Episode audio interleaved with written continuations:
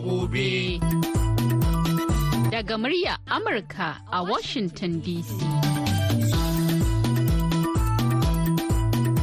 Masu sauraron mu Assalamu alaikum barkanmu da wannan lokaci. Da fatan an yi hutun ƙarshen mako lafiya. Shirin yau da gobe ne kuke saurara daga nan sashen Hausa na murya Amurka a birnin Washington DC. Akan mitoci 25 da 31 da kuma 41. Ana kuma iya kama mu a birnin Yamai na Jamhuriyar Nijar a VOA Africa kan mita 200.5 zangon FM. Sai kuma wasu tashoshin na zangon FM a Jamhuriyar Nijar da suka hada da rediyo amfani da sarauni sarauniya da kuma niyya. A can kuma sai ƙasar Ghana kuma za a iya kama mu ta Alfa Radio. Sannan za a iya jin mu yanar gizo a voahausa.com ko kuma sashen hausa.com. Sunana Zahra Aminu Fage.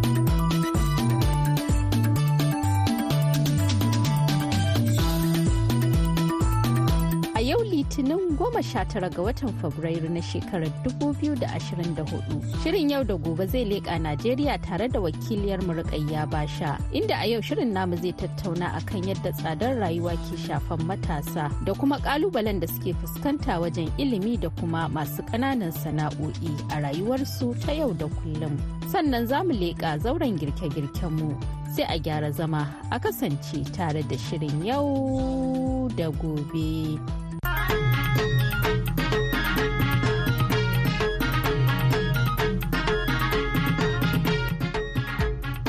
Masu sauraro barkanku da warhaka barkanmu da sake kasancewa da ku a cikin wani sabon zango na shirin yau da gobe.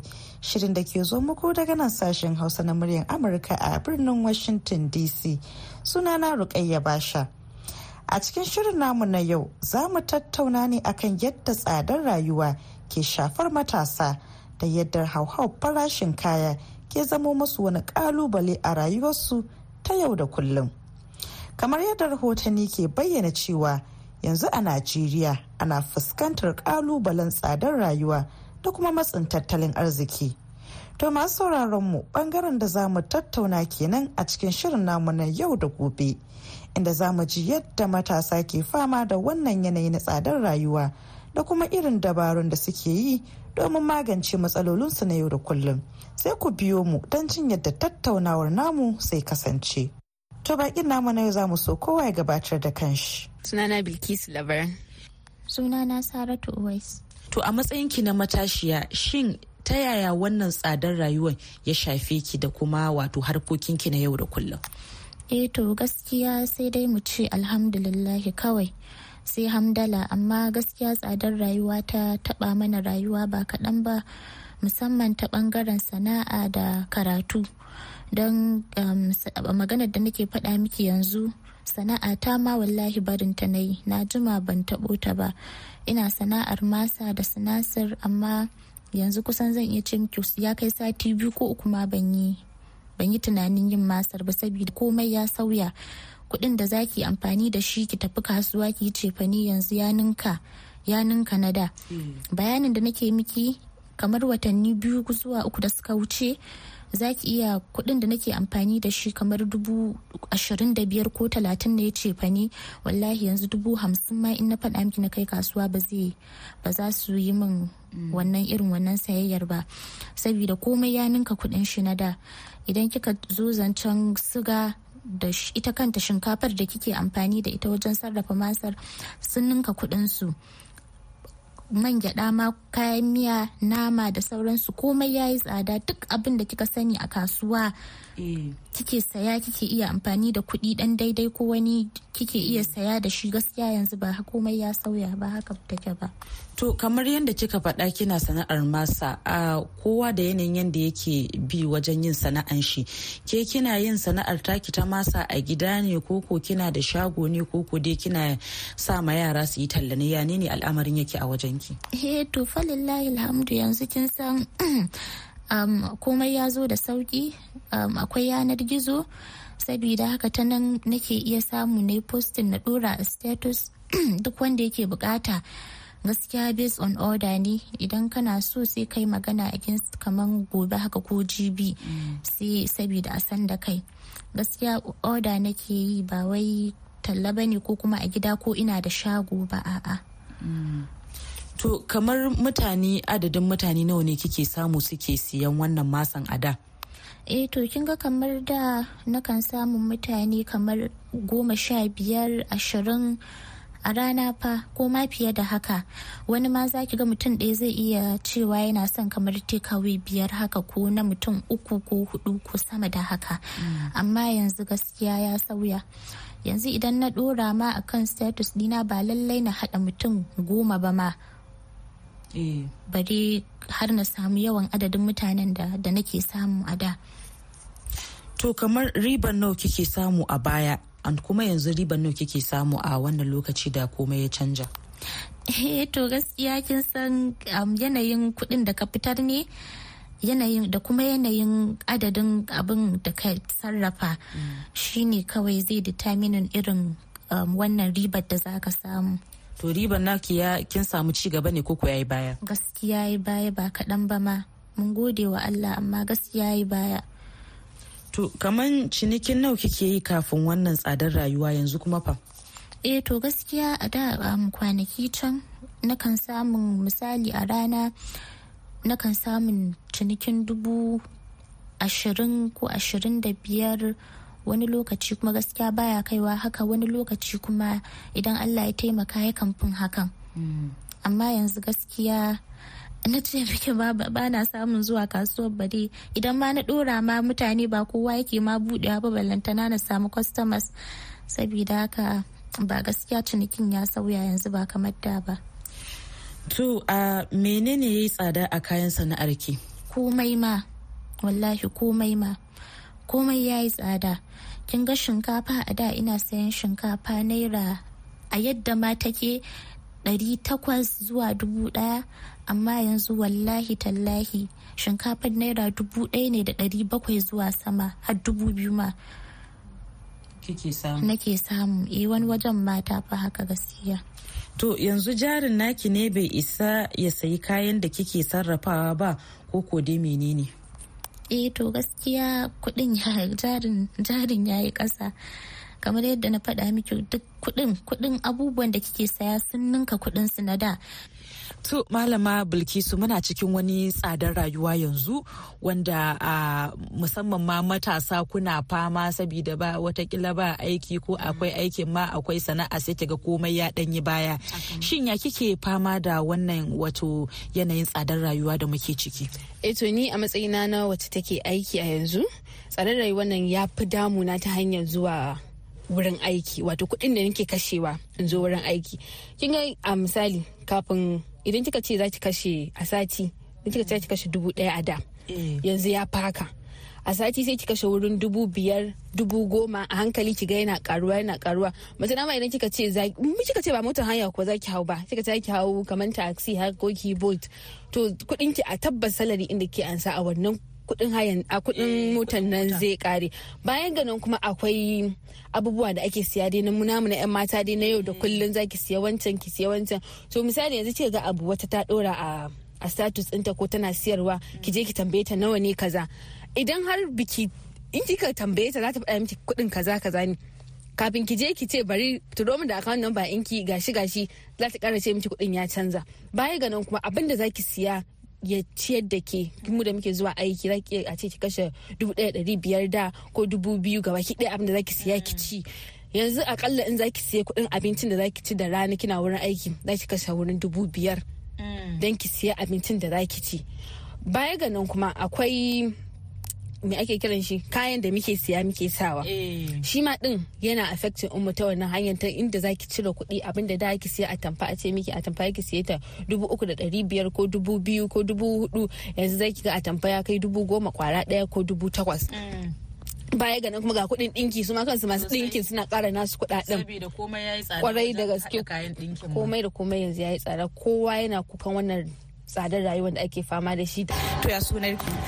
sunana Dr. Fatima Danbatta ina aiki a gidauniyar Medicaid a birnin tarayya Abuja. To masha Allah in muka duba za mu ga cewa yanzu muna cikin wani yanayi da tsadar rayuwa ya yawa a matsayin ki na matashiya shin wani irin hanya kike bi ko in ce ya kika ji kanki a wannan yanayi na sauyin wato yanayi da aka shiga na komai kika taba a kasuwa yana yin tsada kuma in na duba ma zan ga cewa a cikin matan da na yi ta hira da su ma ke yar gayu ce to ya kika samu kanki a wannan yanayi na tsadar rayuwa.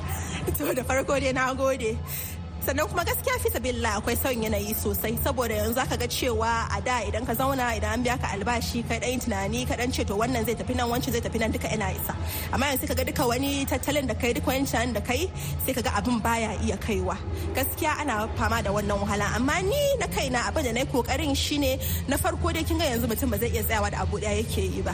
Duk da yake ni likita ce akwai abin da nake yi a gefe saboda idan na bar aiki akwai dan lokacin da nake samu. Saboda haka ina ƙoƙarin yin wannan da in samun wani kuɗin da zan iya rufawa kaina asiri da shi. Banda wannan kuma sai mutum ya zauna ya yi tunani sosai ya zan kashe kuɗi na ya zan kashe wancan. Kin ga irin wanda zaka shiga kasuwa baka yi tunani ba a da kawai dai a kashe yanda aka ga dama ba za mu iya yin shi ba yanzu a halin zamanin yanzu. Saboda haka ya kamata a yi tunani a dan bi wannan a wannan yanzu zan yi a wannan ba zai yi ba sai an ƙara biya na wani albashin zan samu in yi.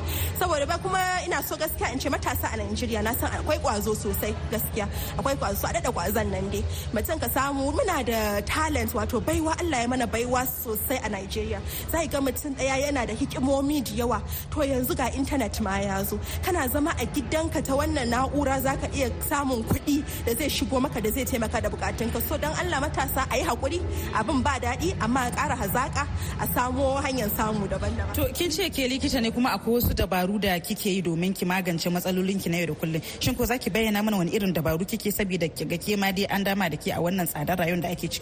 Eh to ba matsani likita ce amma ni kuma marubuciya ce. Akwai blog sosai ba zan kira sunan su ba dai amma akwai blog da nake musu rubutu. Ta wannan hanyar ina ƙara samun wani abin nan. Kuma banda haka akwai rubutun ni kaina da nake yi kamar na su da sauransu ana biya na kuɗi. Saboda da zama na ga cewa ni likita ce amma ina da na ga kamar Allah ya yi min baiwar iya rubutu. Ina da wannan basirar. Kuma ina dan baiwan da ma kuma zan iya magana irin a taro haka. Su abubuwan da nake kenan a gefe suna dan taimaka min akan albashin da nake. To wani irin kira ko shawara zaki ba matasa irin ki domin su ma su tashi dan aka zauna haka dai abin ba zai yi kyau ba. A yi haƙuri a yi haƙuri a ƙara hazaƙa a nema a nemi na halal. Za ka ga cewa idan dai kai ƙoƙarin da niyanka insha Allah in dai niyyar ka neman na halal ɗin ne to Allah zai kawo hanya. So daga a yi haƙuri a tunanin bai wanda ake da shi a nemi dabaru. Allah ya taimaka. Masu sauraron mu kada da ya kushe afa shirin yau da gobe ne ke zo muku daga nan sashen Hausa na muryar Amurka a birnin Washington DC. Yanzu za mu je ga hutun takaitaccen lokaci kana muka dawo shirin namu zai dora.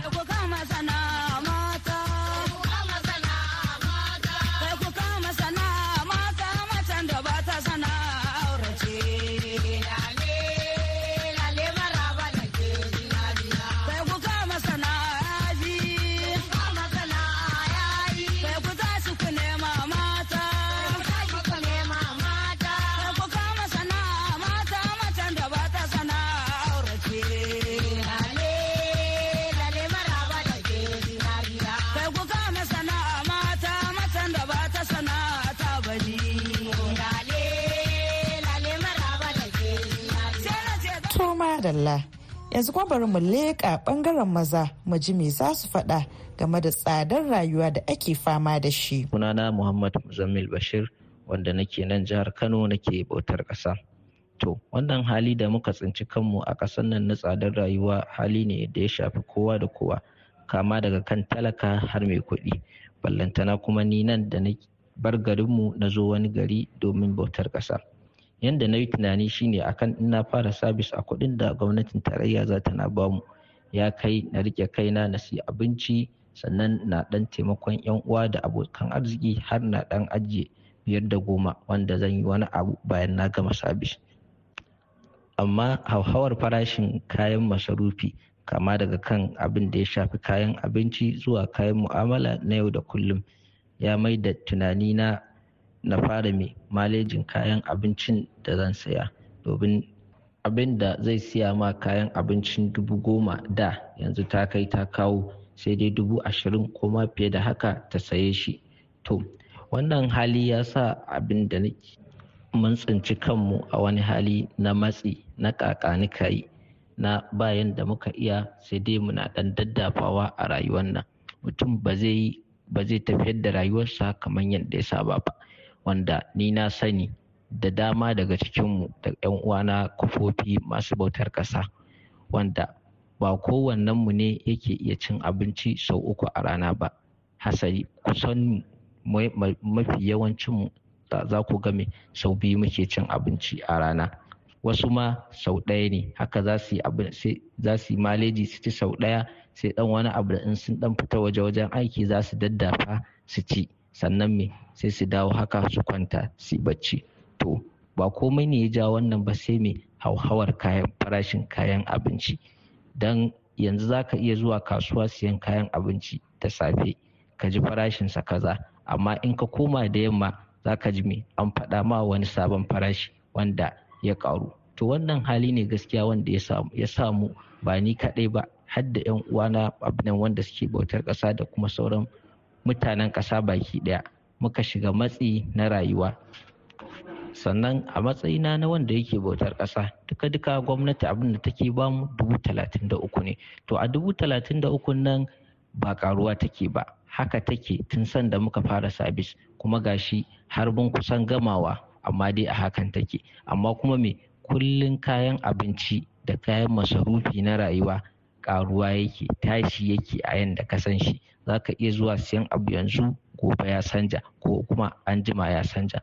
To wannan hali gaskiya ya sa na shiga wani matsi wanda inda ba don wasu 'yan sana'o'i da nake ba wanda dama na koya tun da dan buga-buga na yau da kullum. A matsayina na wanda yake hidima ta aikin kwamfuta na dan fita je samu wani waje a dan musu aiki su biya ni. To in ban da irin wannan ƙananan sana'o'in ban san wani hali zan tsintsinci kaina ba. To ina kuma ga wanda shi duk ba shi da wannan sana'ar ko kuma in yana da sana'ar da zai yi an kai shi can cikin ƙauye bai sanya zai tafiyar da rayuwarsa ba. Ko kuma me bayan da za a je wannan sana'ar. Ya muke tunanin zai tafiyar da rayuwarsa. Gaskiya hali ne da me ya kamata a sake duba a duba a ga wasu hanyoyi za a kawo wanda me za a magance wannan matsala ta tsadar rayuwa da muka tsinci kanmu.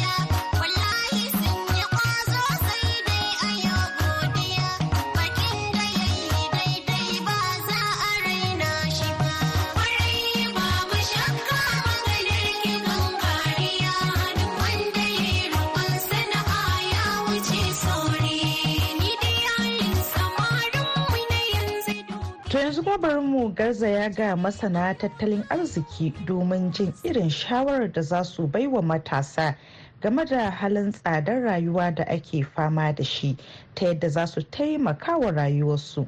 A masanin da muke tare da shi a daidai wannan lokacin shine Aliyu Usman Jibo, masanin tattalin arziki kuma malami a makarantar koyar da malamai da ke jihar Jigawa. To malam, bismillah a ba matasa shawara. To malama rakayya matasa a najeriya fa suna cikin wani yanayi. Domin matsi na tattalin arziki da ake ciki ya shafe su sosai duk da ba su da nauye-nauye a zahirance kenan. Amma in muka duba yanayin yadda rayuwar take akwai matasa da dama wanda su ne suke riƙe iyayensu a halin da ake ciki. Ita najeriya ƙasa ce wadda mafi yawanci goban an gurɓata ta ba ta da kyau. Za a samu magidanci saboda kunci na rayuwa akwai rashi na lafiya da sauransu wanda 'ya'yansa ne suke taimakawa wajen riƙe ko ɗaukar nauye-nauye na wannan gida. A najeriya ne za mu ga yara ƙanana waɗanda ya kamata a ce suna ajin farko zuwa na biyu na uku ko sauran azuzuwa na firamare za a gansu suna tallar ruwa a gefen titi da sauran sana'o'i na wahala domin su ga sun taimaka wa iyayensu. Saboda haka matsi na tattalin arziki ya shafi matasa a najeriya ɗari bisa ɗari. Waɗannan matasa in muka duba a chata ta matasa ta afirka kusan ana za mu iya cewa mutane ne wanda suke daga shekaru 15 zuwa 35 a wasu kaulin kuma daga 18 zuwa 35 to kuma menene dai waɗannan su ne waɗanda ake kira matasa. Kuma muka duba najeriya ƙasa ce wadda take tafi kowace ƙasa yawan al'umma a nahiyar afirka. Sannan matasan najeriya sun haura ko kuma sun kai akalla miliyan 60 zuwa sama wanda najeriya mu ne na shida a duniya a ƙasashen da suke da yawan matasa. Kuma in muka duba gudunmawar da matasa suke bayarwa a sauran ƙasashe za mu gane duk ƙasar da ta yi watsi da talaka to wannan ƙasa za ta samu rashin ci gaba. Mu ɗauki america ko sauran ƙasashen europe duk matasan da ake da su a duniya yanzu to za a ga suna taimakawa ƙasar su ne wajen ci gaba. Akwai misali da dama su mark zuckerberg nan duk suna matasa suka zo yadda suka zo suna kuma da yawa. Saboda haka matasan najeriya suna cikin wani yanayi kuma wannan matsi na tattalin arziki ya shafe su. Ba su da aikin yi bayan wani rashin aikin yi shi kansa ilimin da ake bayarwa da yawa ma ba su da kuɗin da za su je su sama wa kansu ilimi.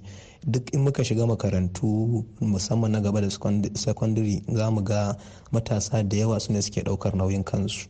Kuma bayan wannan akwai shi kansa orientation ɗin wayar da kai ma a cikin ƙasar shi ma ya yi karanci saboda haka matasan suna buƙatar ma a ƙara wayar musu da kai. Akwai matsaloli da dama ba isasshiyar lafiya bayan ba isasshiyar lafiya rashin wannan aikin yin da damarmaki na aiki ko dama ta koyon sana'a ta kan jefa su halin kakanuka yi. Wani ya shiga harkar shaye-shaye sace-sace hanyar daba da sauran matsaloli makamantan irin wannan. Saboda haka matasa a najeriya matsi na tattalin arziki ya shafe su sosai. Kuma matsalar tattalin arzikin ce ma ta ƙara jefa matasa a cikin wannan yanayi da ake ciki.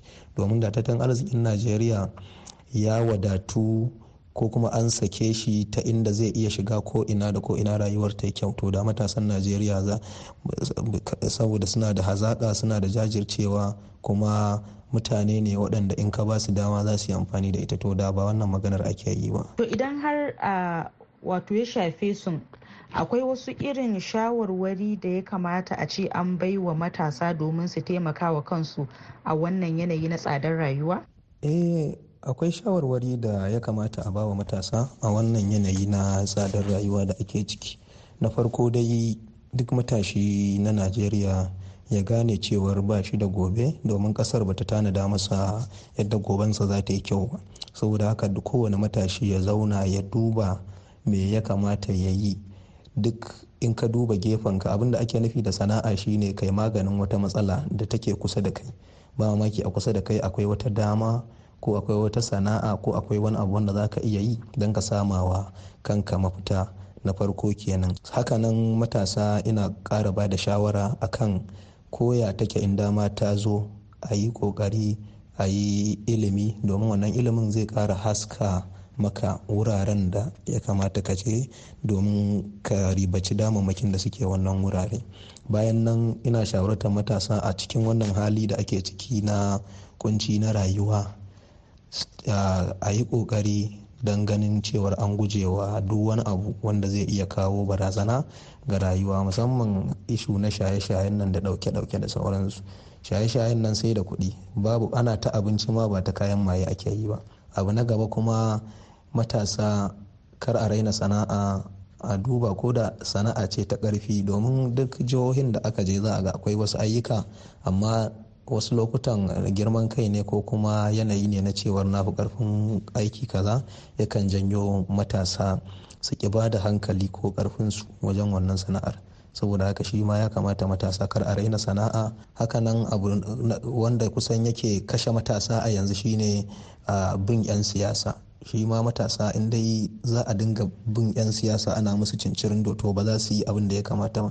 So daga matasa su haɗa kansu waje ɗaya su tuna cewar kusan tattalin arziki da rugujewarsa da samuwarsa duk yana hannunsu domin akan yi musu lakabi da manya na gobe. So in dai akwai wannan tunanin za a sa ƙasa a rai za a sa ƙasa a gaba to mutum zai ƙoƙari ya gama cewar ya zama mai amfani a cikin al'umma kuma zai yi ƙoƙari ya tabbatar da cewar shi ma ba a barsa baya ba wajen gina ƙasa kuma duk wata matsala da ƙasar take ciki ba zai kalle ta a matsayin abin da zai zama masa tasgaro ba. Zai duba wannan kallo kamar na wani dutse ko wani tsani da zaka taka don rayuwarka ta yi kyau. Akwai abubuwa da dama wanda matasa dai ya kamata a ce sun kula da shi. Masu sauraron mu har yanzu dai kuna tare ne da sashen Hausa na murya Amurka a cikin shirin yau da gobe. Kafin mu karkare shirin namu za mu leƙa filin kwalamar mu.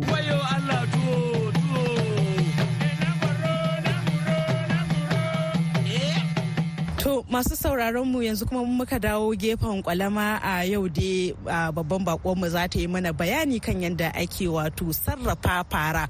Kowa dai ya san fara wani wato wani me ake kiran shi wani abinci ne wanda a ƙasar Hausa da ba a damu da wato cin shi ba za ki za ku gama cewa wanda ma suke cin shi yadda suke sarrafa shi ma in ka kalla ma ba za ka so ka ci shi ba. Amma yanzu yadda aka ba wa wato sarrafa fara muhimmanci abin ma har mamaki yake bani. Saboda wato kwalaman nan na gefen fara zaki ga ba ga 'yan mata ba ba ga matan aure ba hatta masu ciki da aka sansu da kwaɗayi su ma dai ba a bar su a baya ba wajen cin wannan fara har ma da maza kamar yadda mu za ta yi mana bayanin yadda ake sarrafa fara. To ya sunan bakwar namu a yau? Sunana hajiya amina.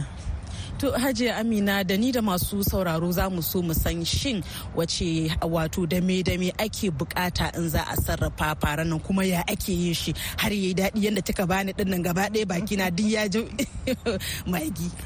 To alhamdulillah idan kika samu faranki already in busasshiya ce kika same ta yadda ake sayar da ita yanzu a buhunhuna ba yadda ake kamo ta ɗanya ba. So an aka kawo miki ita abin da nake fara mata na farko zan nemi maina in nemi gyararren barkono na a'a irin barkono an daka shi an sa mishi magi da gishiri da tafarnuwa da citta da komi. So ga man gyada na ga yaji na ga fara na. So dama ita fara already ko an kata a bushe ina sake in na gyara ta na cike na cire mata fiffike ina tafasa ta in sa mata ruwan zafi da gishiri. Sai in shanya ta da dan sha iska ba bushiya za ta yi ba. Sai in ɗauko kaskona in sa wuta in bulbula maina kamar yadda nake yadda ake soya kosai. Ni suyan fara na ya bambanta da kowane suyan fara gaskiya. Suyan fara ma kala kala ke a suyan fara kala kala ne. Ni dai na wanda nake yin shi zan bulbula mai na akalla kamar yadda ake soya kosai a kaɗan in sa mai a kasko wanda zai ci kamar kwalba bakwai ko takwas. Sai in ɗebo ta da ɗan lema leman ta nan bata gama bushiya sosai ba in sa ta ina soya ta ina soya ta ina juya ta a ruwan mai sai na ga ta soyu ta yi ja. Sai in tsame ta da yadda kika sa ana tsame kosai a cikin ruwan mai.